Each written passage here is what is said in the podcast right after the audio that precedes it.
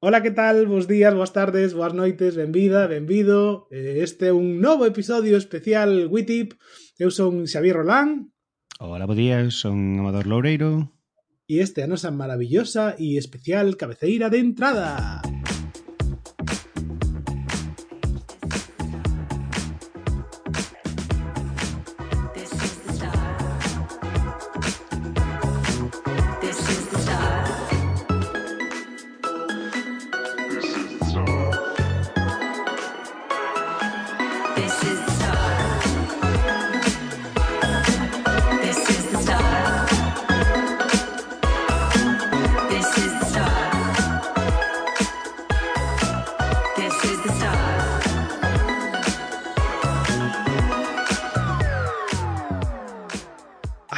bonito cando metemos a cabeceira de entrada así en postproducción, porque nós agora mesmo cando estamos grabando non a escoitamos. No. Eh, e por eso queda así un pouco un pouco extraño. Como extraña tamén é a cara do convidado que temos hoxe. Vale, hoxe temos connosco a Evelio Sánchez. Evelio é un veciño aquí de Pontevedra, é un apaixonado tamén da, da tecnoloxía que se adica a un sector que a priori, vale, a priori, digo, podría non estar moi relacionado co mundo no que nos movemos nós, senón que se dedica ao mundo da, da construcción, arquitectura. Eh, ten un podcast eh, moi simpático, vale? Incluso para aquelas persoas que non queremos ou non sabemos moito do tema, eh, estou me rindo porque nos estamos ando por a cámara a, a camiseta corporativa que leva posta do seu podcast BIMRAS, que vos deixaremos un, unha notiña, obviamente, nas, nas notas do, do propio podcast. E, Evelio, pois queremos darche as grazas por achegarte aquí a este bar virtual no que vamos a conversar un pouco, bueno, pois eh, sobre tecnoloxía, metodoloxía BIM. Que tal, Evelio? Bos días, boas tardes, boas noites. Moi boas, eh, moitas gracias por invitarme. Como mm, xa acabas de anunciar, as BIM respoño eu. Perfecto. Perfecto.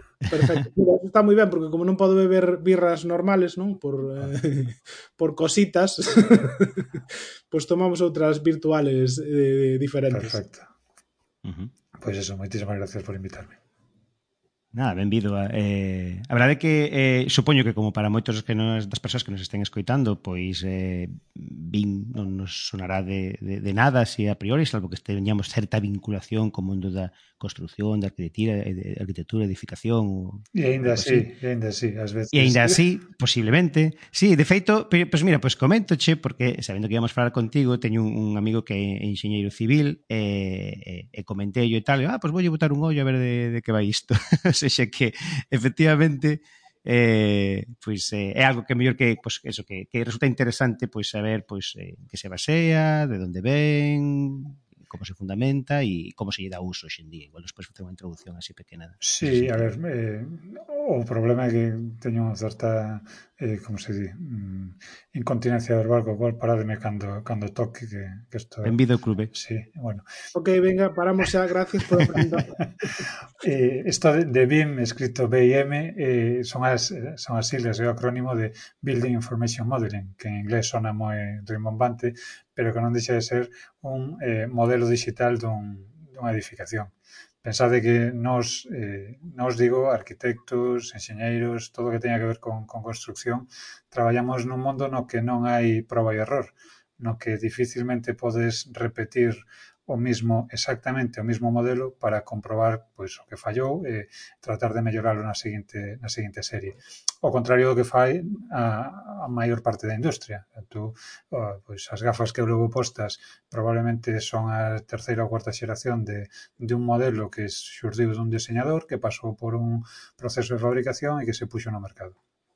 Sin embargo, isto co, edificación, con infraestructuras, con, bueno, calquera tipo de construcción, eh, non só é difícil de imaginar, sino que probablemente non ten ningún, ningún sentido. entonces como non temos a capacidade ou a posibilidade de facer eh, e error, o que nos queda é facer proba digital, error digital e tratar de remedialo antes de que chegue a, a produción que a obra. E incluso durante a obra ter o maior control posible da, da produción precisamente para poder eh, bueno, controlar, anticiparnos o máis posible a, esos, a problemática que poida xurder. Entón, no, digamos, no seu aspecto máis básico, poderíamos entender que o BIM é a resposta a, a este problema e en, en, en forma de modelado digital dunha, dunha edificación, dunha infraestructura, dun, dunha obra que se vai a construir. Que pasa? Que isto, eh, digamos que, aínda que xorde como un modelado, en, ten a, a I intermedia, que a min é a que realmente me interesa, que é a de información, que, que lle dá moitísimo máis valor, porque dentro dun, dunha xeometría que pode corresponderse coa, coa da edificación ou que sexa, pois eh, empezamos a engadir datos que nos sirven para moitísimas disciplinas e que, que fan que sexa unha, un xeito de traballar pois moi aberto á colaboración e moi, moi transversal. Uh -huh. Claro, eh, eh, por exemplo, vou, vou, vou ir hacia atrás. Obviamente non hai rexistros de como se fixeron as pirámides de Egipto, pero non sei se, por exemplo, do, do, eh, do Empire State Building hai informacións así que, que se guardase algo Sí, que, porque entendo que eso que falas de información é de poder reutilizar, poder aprender do que se fixo ben, do que se fixo mal. E incluso poder simular, porque tú si, uh -huh. si tes un modelo digital eh, podes facer simulación sobre el eh, en base á información que tú lle aportas a ese modelo podes tomar decisións. Estou pensando, por exemplo, que tú cando alimentas noutros eidos, cando alimentas uh -huh. un, un modelo digital eh, de, de pois por exemplo, Xavier, cando, cando xenera ese estudio sobre o trato á muller nas, nas redes sociais, é o que está facendo é alimentar con información un modelo do que despois extrae información. Bueno, pois nós facemos máis ou menos o mesmo, alimentamos con información un modelo que ademais eh, ten unha vertiente xeométrica que é a que podemos visualizar. Pero o fundamental é que temos unha colección de información de, de, de datos con distintas orixes que se centralizan dentro dese modelo xeométrico ou ao redor dese modelo xeométrico para poder despois facerlle preguntas. E facemos as preguntas que facemos aos arquitectos ou enxeñeiros, facemos preguntas do tipo isto resiste, Entonces, eh, a partir dos datos da información que tú lle metes, con un modelo de cálculo, comproba se resiste. Isto eh, perde moita enerxía no inverno? Pois, do mesmo xeito, como o modelo contén ou eh, aportas datos de, das características térmicas dos materiais, con un modelo de cálculo eh, podes comprobar se si ten moitas perdas en, en inverno ou se si ten moito, moita, moita entrada de, de calor en, en verán.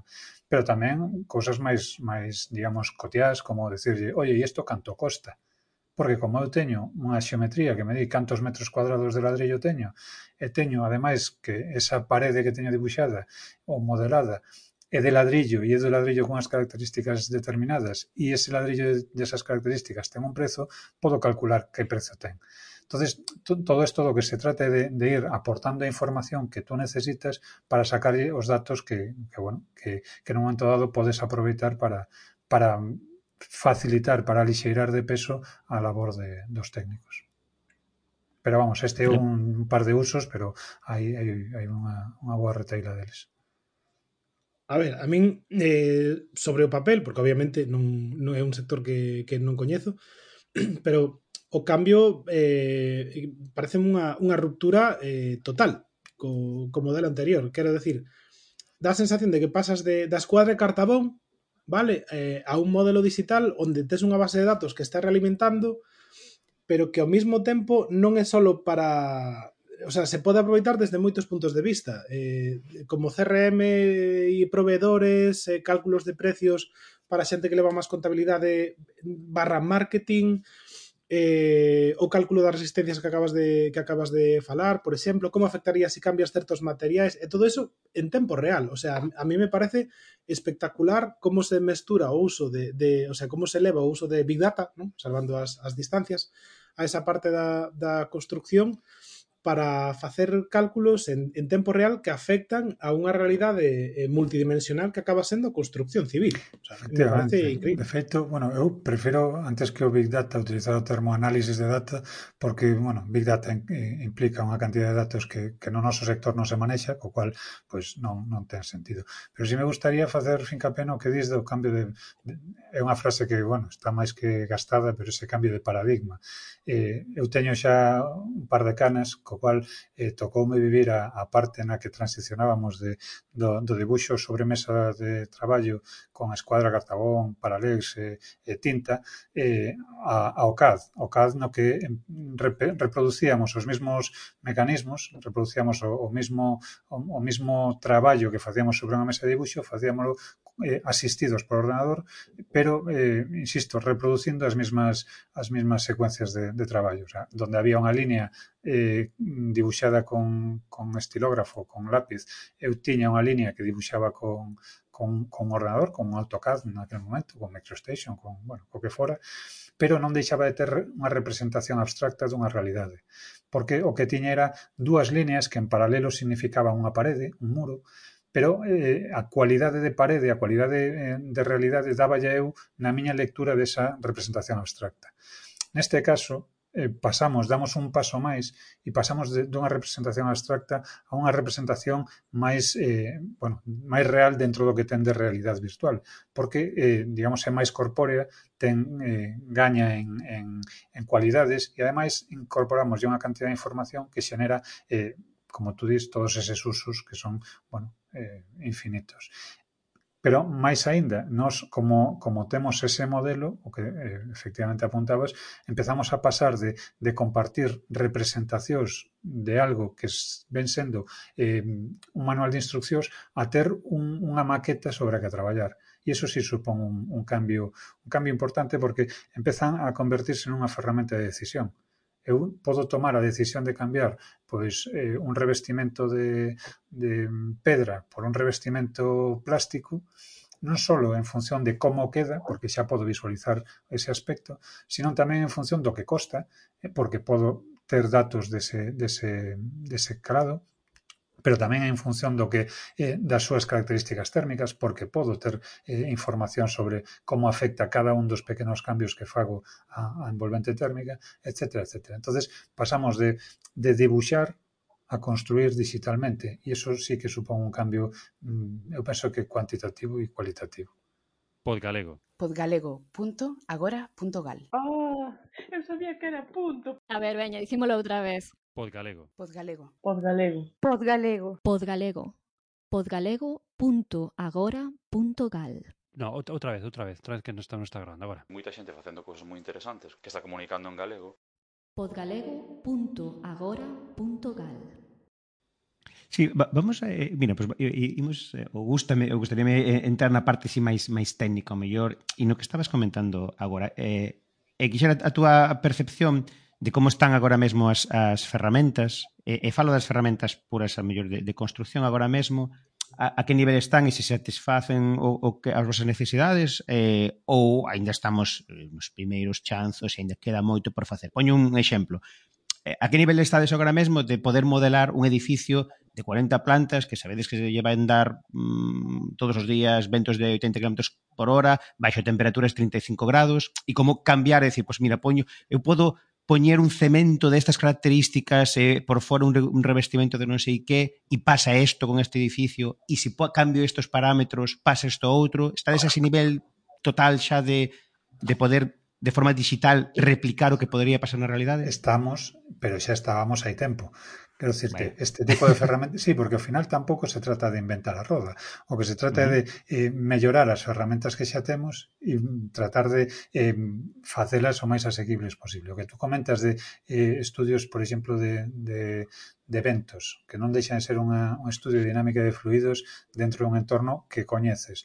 Bueno, pois... Pues, eh, realmente un, un estudio de dinámica de fluidos é un, un análisis do modelo matemático.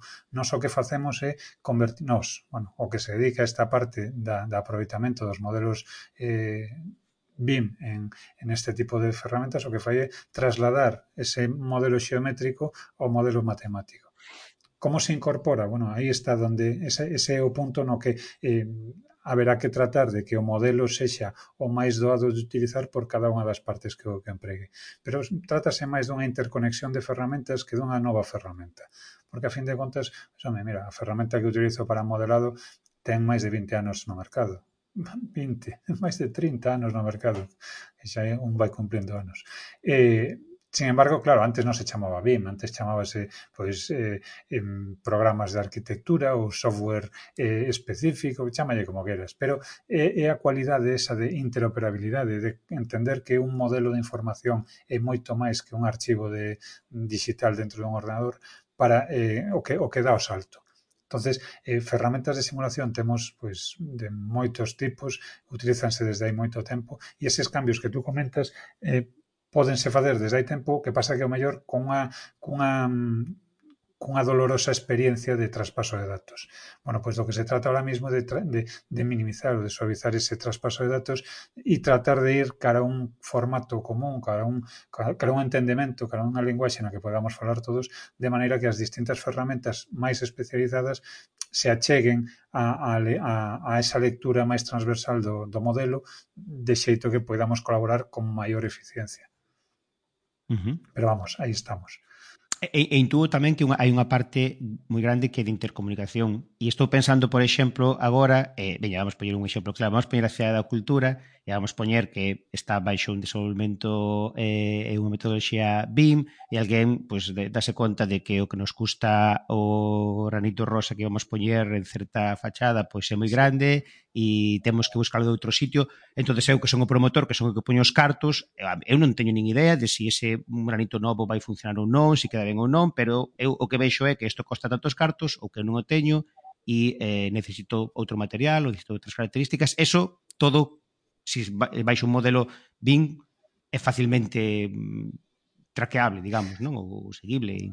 É, é seguible, é trazable. E, e, eh, de feito, cada intervención que faz no modelo mm, teóricamente debería deixar rastro de quen fai, que e por que.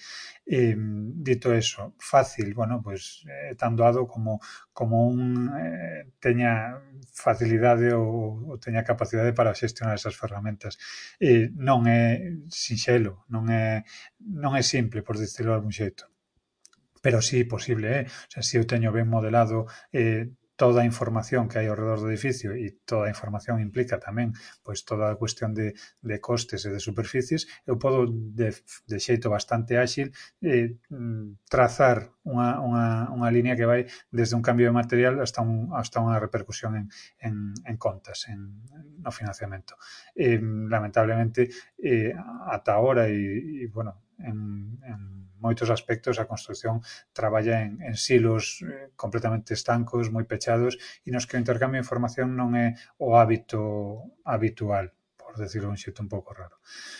O cual, eh, unha das cuestións primeiras que, que, que debe abordar calquera que, que, que pretenda meterse a traballar deste xeito é eh, asumir que o seu traballo é parte dun traballo maior, de tal xeito que eh, comparta a, a información coa que está traballando e expoña, en certo modo, demasiadas vergonzas, co cual eh, hai bueno, certo pudor ás veces a, a, a meterse a traballar eh, nun ambiente transparente precisamente porque eh, non sempre todo todo enseñable que podería ser o que temos na trastenda.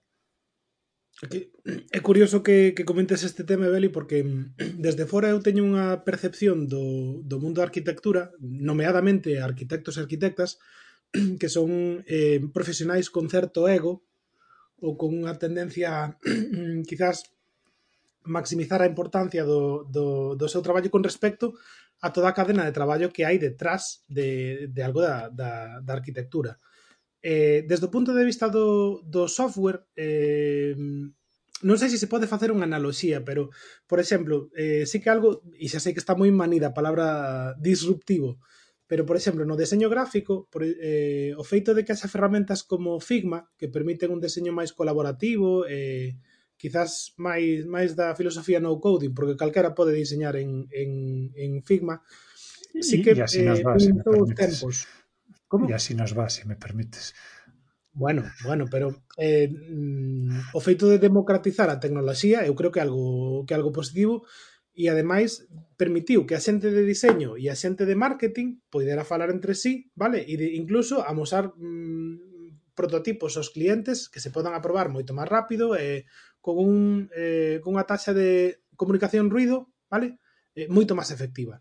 Non sei se desde o punto de vista do software tedes ferramentas que vos permitan eso ou, ou o que ti dicías, o que ti dicías de, de falarvos entre vos unha linguaxe que sexa máis común ou que vos permita comunicarvos mellor, pois axuda a que se implementen estas metodoloxías como a que tú defendes. As ferramentas eh, principais, digamos, si permiten traballo colaborativo simultáneo, de, feit, de xeito que todos os actores ao redor dun proxecto poden entrar moito antes no proxecto e opinar e valorar as, as solucións que se están dando desde o momento de diseño ata o momento de, de posta en obra.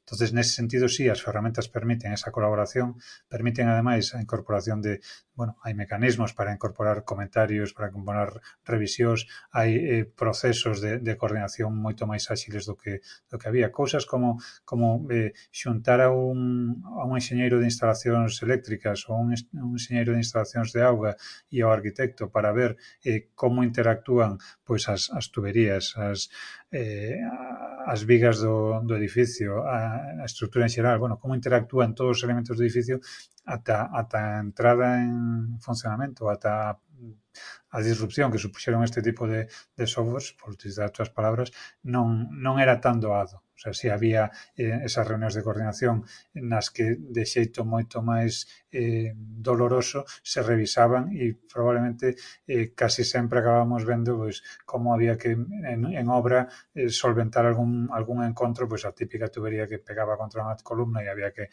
facerlle un codo, ese tipo de cuestións. Eh, a día de hoxe eh, podense evitar precisamente porque hai ferramentas que permiten esa colaboración eh, ás veces eh, directa, o sea, tú e eu e, e Amador sentados ao redor dunha pantalla e ás veces que é o seu compartindo unha pantalla eh, a través de internet e dicendo, bueno, visualizando un modelo, cada un aportando a súa parte no traballo e comprobando en tempo real como están como están interaccionando mm, o meu traballo co teu e co de, co de amador.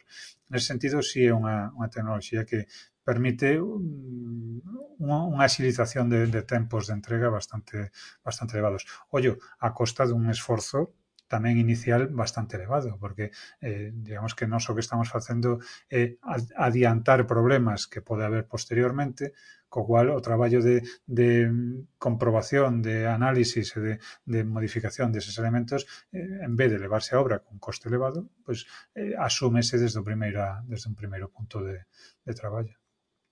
Pero vamos, que sí que hai, hai ferramentas colaborativas eh, e que permiten ese traballo simultáneo de, de múltiples xeitos. Poderías poñer un exemplo de algunha para googleala?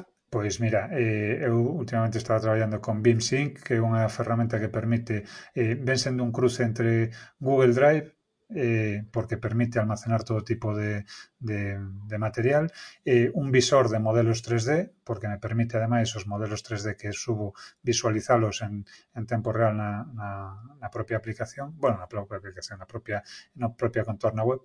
eh, ten ademais eh, pois, eh, xestión de incidencias, co cual eu podo eh, no momento dado marcar un punto concreto do modelo como, oye, atención aquí, movede isto, e hai unha, unha trazabilidade da, desa, desa mensaxe que se comunica pois, aos, aos afectados, os afectados teñen eh, tamén control desa mensaxería, en fin, é eh, un pouco un entorno integrado que é o que se chama un, un CDE, un Common Data Environment, todos os términos que, bueno, a mí, a verdad que gustan ben pouco, pero todos os términos que a, rodean este mundillo son acrónimos ingleses, eh, bueno, neste caso o entorno común de datos e o, o CDE é eh, o entorno no que todos nos xuntamos a, a, a falar estas cousas, a, a ver como vai o proxecto, a, a volcar aí a nosa información e no que, no que intercambiamos material. Pero bueno, quen di isto, di... Eh, software pois máis máis menudo, software como pode ser calquera visor de, de IFC, IFC é un formato de intercambio de, de información precisamente adicado a, a, a información BIM, eh, podes atopar visores de, de todo tipo, Vincolab é un visor fantástico que tamén utilizo a cotío, eh, non sei, hai moitas moitas ferramentas que podes eh, das que podes tirar para facer esa, esa colaboración pero despois tamén ferramentas non especificamente eh, técnicas. Eh, eu unha das ferramentas que, que utilizo como máis como máis BIM é, é o Slack, o Slack porque, ao fin de contas, isto do que se trata de comunicarse, de saber, eh, de ser capaces de, de facernos entender eh, dentro dun equipo de xeito ordenado. Eh, outra das ferramentas que máis utilizo, o Trello, pois, eh, calquera das dúas non teñen nada que ver co meu, co meu sector especificamente. Eh, non sei, ocurreseme calquera da suite de Google, eu eh, traballo con tra, o meu traballo xa directamente na nube, salvo cando non me queda máis remedio. Pero vamos, que ferramentas eu trato de evitar a, a oír ou enfocar o traballo na, na ferramenta e, e ir un pouco máis alá falando de, dos conceptos que, que deben que deben presidir ese, ese traballo porque os conceptos ao final van, bueno, xa decía Manquiña, o concepto o concepto, Pero é que ademais eh, o concepto é o que vai sobrevivir as ferramentas e as distintas ferramentas. Un non é mellor escritor porque traballe con Word. Uh -huh. E, e, e indo esa, esa parte e as, e as temas particulares que son software libre, compartir información, open data e todo iso, como, como se mistura isto dentro do, do modelo BIM? É dicir, eh, todo a maior parte das ferramentas digitais son de pagamento, hai ferramentas en software libre, e despois a, ao acceso aos datos e compartir datos. Eu entendo que todo, digamos, cando se pecha todo un modelo BIM queda, pois, aí pechado, é reutilizable, podes compartir, é aberto, hai repositorio, se pode ter información. Alegra, Podo eu como consumidor acceder a esa información? Me alegra que me haga esa pregunta. ah, panorama de, software libre ao redor da, da arquitectura ou da, do mundo técnico de enxeñería e arquitectura eh, un páramo no que de cando en vez aparece algún oasis eh, ou un deserto non paramos non hai oasis. Eh, pero nese deserto hai, hai voces que, que se alzan para decir, oye, mira, que, que, que hai outro modelo posible.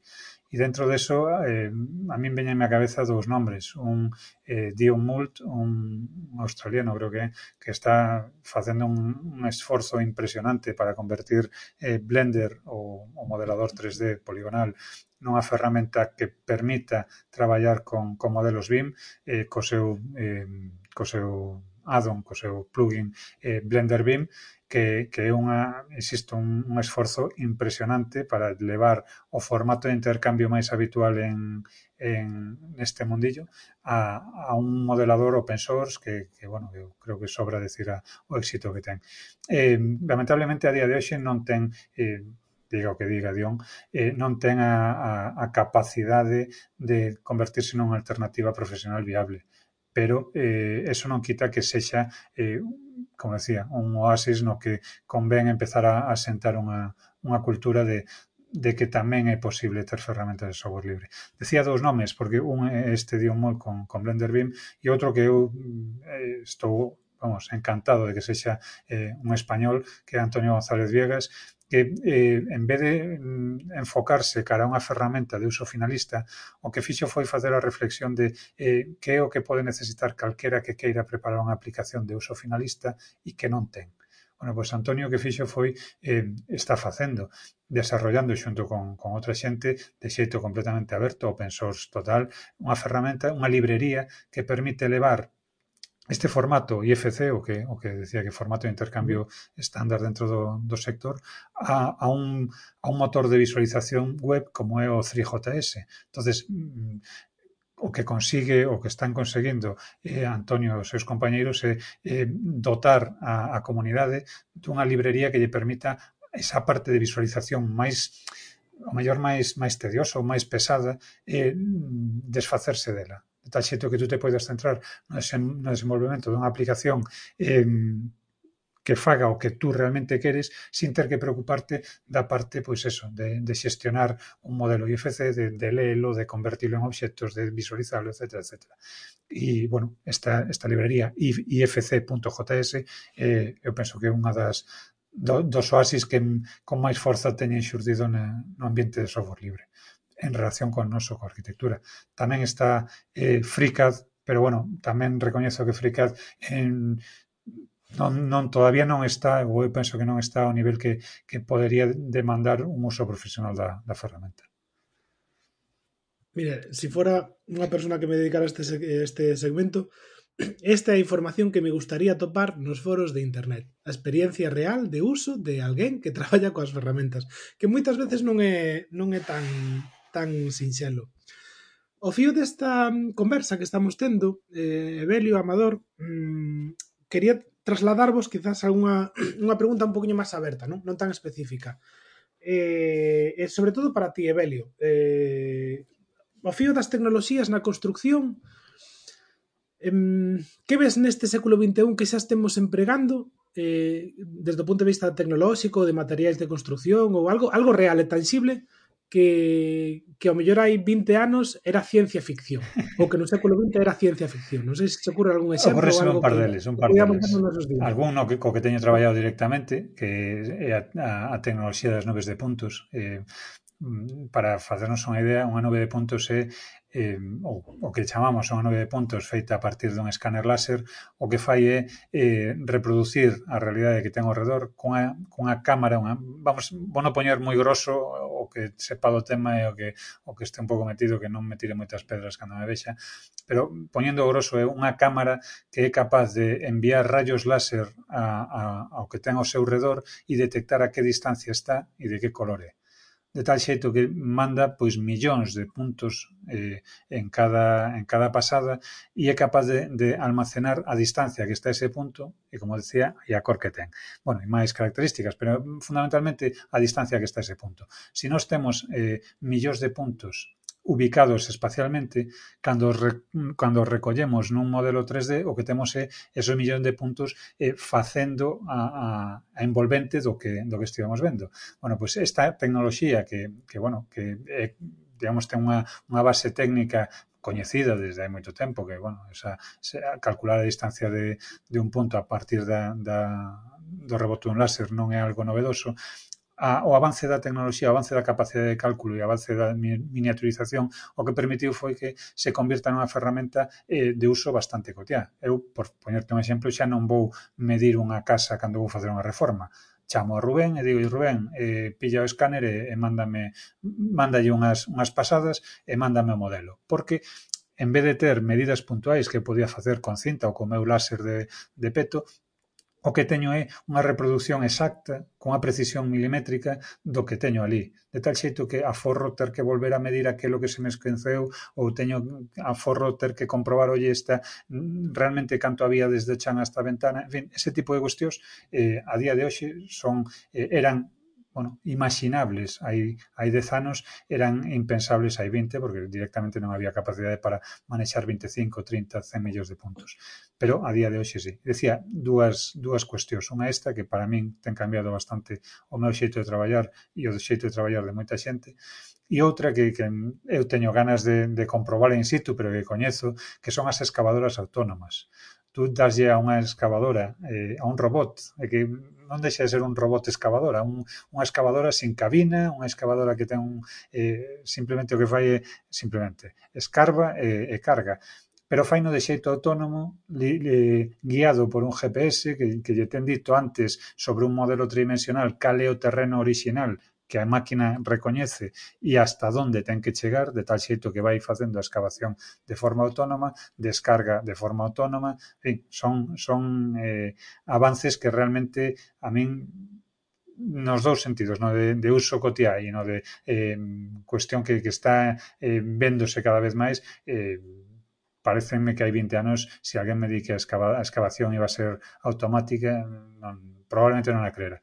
Ollo, eu non a creería, pero probablemente un granxeiro de Texas diría que, que bueno, que como non se fai antes, porque ese granxeiro de Texas eh, probablemente hai 20 anos xa tiña un, un tractor con GPS porque ten unhas extensións enormes que, que ten que, que coidar. Ese granxeiro probablemente xa fumigara con drones, ao mellor non lle chamaba drones, ao mellor chamaballe fumigadoras autónomas ou como hai que ir chamar. Pero quero decir que son, son tecnoloxías que como decía antes non inventan a roda, sino que collen esa roda eh, cambian o neumático por, por unha serie de, de composites e fan que a roda sexa a mesma roda, pero que non teña nada que ver coa roda que, que era antes. Queres decir que no 2100, por exemplo, alguén na súa casa con unha aplicación informática deseña un edificio, dalle un botón e de repente unha serie de maquiniñas salen dun, dun alpendre y montan esa casa las solas? Bueno, eh, primeiro que espero velo, porque 2100 está aí ao lado, pero ademais deso, eh, que eso xa se pode facer, non tan así, uh -huh. pero a impresión 3D a partir de modelos BIM é unha realidade, e ademais realidade ollo, que, que estamos afeitos a pensar nunha impresora 3D e pensar nunha, nunha prusa de 20 por 20 ou de 30 por 30 centímetros, pero que eh, en Europa hai máquinas de impresión 3D de formigón de 40 por 40 por 40 metros. entonces aí xa temos un, unha dimensión para, para meterlle un, un certo nivel de un certo volume á impresión. Eh, a ETH de Zurich, a, unha universidade ponteira neste tipo de cuestións, o Departamento de Fabricación Digital eh, eh, ten unha web como para perder o fin de semana inteiro eh, vendo os grupos de investigación que están facendo, as cousas que están desenvolvendo e en impresión 3D é sin, sinceramente espectacular. Ollo. Si, sí, se non estou equivocado, aquí nos Países Baixos, que onde vivo, eh, fíxose aínda non fai moito a primeira vivenda civil eh, totalmente por 3D. Sí, en México, por exemplo, ten un programa eh, patrocinado por unhas empresas americanas, norteamericanas, Estados Unidos, nas que eh, vivendas, eh, digamos, sociais ou de baixo costo se, se propuxeron con, con impresión 3D. Hai, hai cada vez máis eh, pasos dados nese sentido certo é que non é todo tan tan bonito como, como se ve nas, nos stop motion no que, no que se ve que a casa se construye en, en horas pero, pero bueno, é un paso que, que está nun, nun momento no que, no que sí se pode pensar que non teremos que esperar o 2100 para imprimir a, o noso alpendre. Home, eu, eu entendo que o futuro espacial, vale, levando xa ao extremo a, o sector civil, terá que ir un pouco por esa vía, non? Se si en algún momento se queren construir bases lunares, o modelo non vai ser mandar eh, naves con, Sin con duda. bloques prefabricados como os de obras, sino poder realmente construir ali, non? Sin duda. Eu, ademais, é que non queda outra, porque eh, todo o que sexa a, a impresión aditiva, a, a fabricación digital, eh, pode aproveitar material mm, local de baixo, de baixo, de baixo esforzo de, de obtención e cos aglomerantes adecuados poder xenerar esos espacios, ou polo menos a estructura básica deses espacios que despois haberá que acondicionar, pois sí, con elementos que, que puedan trasladarse, pero esa, esa primeira, ese primeiro desbroce, ese primeiro soporte, haberá que, que facelo con, con materiais que xa estén ali, porque, bueno, o que costa mandar un, un nano satélite ao espacio, pois eh, pensade o que pode costar levar un, unha tolva de formigón. É impensable. É hormigonera, é agua para facer ali o hormigón. É...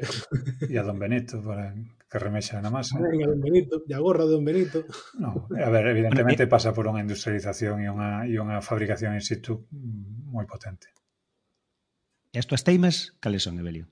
As minhas as temas son que, que isto todo acabe converténdose no, na, na ferramenta como o monolito de 2001 no que adoremos todos e que nos olvidemos de que ao fin e ao cabo do que se trata de acondicionar un espacio para que o ser humano disfrute del esa é a miña tema que, que despersonalicemos o, o, o no proceso despersonalicemos a, a idea inicial e nos centremos nas ferramentas eu pro, procuro... Este mundo digital e tecnolóxico perdón, perdón? Interrumpía. Sigue, sigue, sigue, perdón. No, digo que, que a miña tema precisamente é olvidarme das ferramentas e tratar de, de mm, facer ver que as ferramentas que usaba hai 5 ou 10 anos non teñen nada que ver coas que uso hoxe e que tampouco van ter nada que ver coas que use dentro de 5 ou 10 anos. E eu sigo sendo arquitecto, sigo sendo un apaixonado da tecnoloxía e sigo sendo, eh, penso que en algúns casos, pois, unha persona con, con intereses que van máis alá da pura ferramenta. E iso que, bueno, procuro explotalas o máximo posible pero, pero que non é a ferramenta o meu, o meu monolito. E eses intereses vinculados á tecnoloxía? pois pues, ás veces... Por exemplo, que porque sei que che gusta a virtualización, sei que che gustan esas cousas, tes aí... A ver, mm, o que non é que me guste ou deixe gustar, o que pasa é que can, cando un ten unha necesidade, pois procura cando eu teño unha necesidade, procuro eh, cumplila ou cubrila coas, coas ferramentas que se hai tecnoloxía como fai máis fácil, pois máis fácil, senón un bolígrafo me vale. Pero no, no, no é do que, que comentas, a virtualización, por exemplo, eu non concibo ter unha máquina nova cada tres, catro anos. Non, non me parece eficiente desde un punto de vista económico, non me parece eficiente desde un punto de vista medioambiental e non me parece eficiente desde ningún punto de vista ter que adaptarme ao, ao cambio de mercado desbotando material tecnolóxico que ten un esforzo de deseño, de, de construción importante detrás del. O cual, eh, no seu momento, eh, unha das alternativas que, que barallei foi, caramba, si cando eu me, o primeiro ordenador eh, grande que toquei foi un, un, VT, un terminal Unix eh, un VT100 que conectaba con, con mainframe, con, con un ordenador central, e que de aí saltaba a, ao que entón era Internet. Si eso era posible antes, que, no, que fai que agora o meu ordenador este enganchado a un cable e pechado dentro dunha carcasa de un portátil? Bueno, pois ese, ese razonamento levoume a, a pensar, hombre, que, que, a mellor hai, hai outros xeitos de traballar. E, a, e aí empezou pois, unha, unha, unha búsqueda de xeitos de, de, de ferramentas que pasou primeiro por, por VirtualBox, despois pasou tamén por, por as ferramentas de VMware. Cando, cando me pasei a, a, a Mac eh, xurdiu a necesidade impepinable de traballar con, con Windows porque hai ferramentas que son específicas de Windows e apareceu eh, Parallels, pero bueno, eh, apareceron moitas ferramentas que de repente abriron unha, unha, unha che de posibilidades como é pois, ter un equipo única e exclusivamente para un determinado eh, tipo de ferramentas. Eu personalmente teño que os meus proxectos pasalos polo Colexio de Arquitectos para que os visen, para que os eh, comproben, e teño que facelo con unha aplicación específica. Bueno, pois, a min non me parecía razonable ter a aplicación estorbándome, entre comillas, dentro do meu ecosistema e, ademais, eh, prefería que esa aplicación estuvera disponible para todo o meu equipo. Solución, virtualizamos un equipo, poñámoslo a disposición de, toda, de todos os colaboradores e, cando hai que visar algo, encendes ese equipo virtual e traballas desde él. Pero dentro desa mesma dinámica xurdiu a necesidade de, bueno, o meu equipo potente está no despacho e o portátil teño pois para conectarme a distintos servicios, pero cando en vez necesito ter tirar dunha ferramenta concreta que está no despacho. E bueno, pois entón toca buscar eh, a, máis aló da virtualización, como podo facer un acceso remoto. En fin, ese tipo de inquedanzas ao final responden a unha necesidade e, e por suposto, tamén recoñezo que responden a unha, a unha curiosidade eh, maldita que, que teño en riba que, que claro, que me fai perder ou invertir moito tempo en, en, na búsqueda e na optimización de solucións tecnolóxicas e, e a ser posible baixo coste, que non estamos para, para moito dispendio. Eso, dito de alguén de, de, que ten un Mac, ten bastante mérito, eh? Bueno, o meu Mac este que teño en riba da mesa é 2012, eh, sigue funcionando a pleno rendemento e o último que xubilei era de 2006. Así que, bueno, o mérito é da máquina que, que todavía a día de hoxe mm, mantén o tipo. Bueno, eso quer decir tamén que están ben feitas, eh? Vamos a... Non me vou poñer fanboy, pero, bueno, a ver, tampouco tampouco que, que eso, digamos, me, me tilde de nada. Eu traballo a cotío con, con entorno Mac, eh, Linux e Windows indistintamente. A cotío. Non... Porque a parte web, no mundo do, no teu mundo, non está moi desenvolta aínda. Quero dicir, eh, porque aquí un, o, o AutoCAD web non existe, non sei, pregunto. Sí, hai, hai, hai versións operativas, ademais, de, de AutoCAD en concreto. Eh, sei que hai unha de, de un programa modelado eh, da mesma casa, que é o Revit, que está en, eh, non, non está comercializada, pero sí que existe a versión a versión web e, e esa é unha, unha dinámica que, que antes que despois simula ver en todo o sector. O sea, a, a fuxida é, é curioso porque é un efecto boomerang. Cando, cando antes falaba do, do BTCN, que era o primeiro ordenador co que eu conectei, lembro perfectamente eso, que conectaba nun terminal tonto, no que o único que facía era conectar a un ordenador que executaba os programas e que me daba respostas. Despois viñeron os, os equipos de escritorio, nos que xa tiñamos todo metido dentro do, do equipo de escritorio, e despois a, a, a a expansión do, dos equipos portátiles e, por último, as tablets da que, das que Xavier é tan, tan fanático. Pero, curiosamente, cando veñen as tablets e cando veñen os equipos portátiles, xurde unha cuestión que que a, a, a termodinámica é implacable e se temos moito consumo, temos moito calentamento e se temos moito calentamento, temos moita, moi pouca batería. Co cual, unha das solucións para equipos de baixo consumo é baixarlle a capacidade de proceso e, ese, e esa baixada de capacidade de proceso require que de algún xeito podamos darlle resposta en forma de aplicacións. Como lla damos? Bueno, pois levámonos as aplicacións a un centro de datos e o que facemos é que o equipo portátil, tablet ou eh, o dispositivo que estemos utilizando faga de ventana, faga de, de, de fiestra a unha realidade que está sucedendo noutro sitio bueno, pois resulta que lle demos, xa, xa demos a volta completa, empezamos dun equipo que conectaba a outro para traballar a un equipo que traballaba solo e agora estamos volvendo a un equipo que conecta a outro para traballar. Pois esta dinámica eu creo que é imparable tamén no, no meu sector, cada vez vense máis aplicacións eh, específicas e non tan específicas eh, nesa dinámica de que traballa que é imposible traballar se non tes unha, unha conexión á rede e cada vez verémolas máis, porque o que decía, é ineficiente se, si, se si eu penso en, en termos económicos unha gran empresa ter que eh, mm, renovar toda a súa frota de equipos técnicos cada dous anos non é, non, non é viable. entonces ou pasa por un alquiler, que é unha opción, ou pasa por aplicacións que non son tan demandantes eh, localmente e que podo almacenar ou que podo administrar nun centro de datos que está baixo o meu control, que é moito máis seguro, que, que é moito máis configurable, en fin baixa mantenimento e encima os equipos cos que accedo son eh, teñen unha, unha, unha obsolescencia moito máis prolongada moito máis avanzada. Xa probates Windows 365? Me niego. Eu ainda non. Non, non, eu é que non, non, non, non entendo até, o sea, supoño que a ferramenta será boísima, cando me toca traballar con Teams, pois non queda outra traballo, pero pero non, 365 non é non é a miña ferramenta eh, tendo LibreOffice e tendo a suite de Google. No, no, no, non me refiro a, a, a, ao Microsoft Office, sino ao Windows. A ah, Ai, o Windows, a, no, no, o Windows 365. No, no, no, no, non cheguei a probar. Claro, é que estamos no modelo e, e en algún momento tenemos que traer alguén de, de economía aquí de destes de modelos back, de software as a service e de todo as a service, Cocal, eh, Live as a service. Como?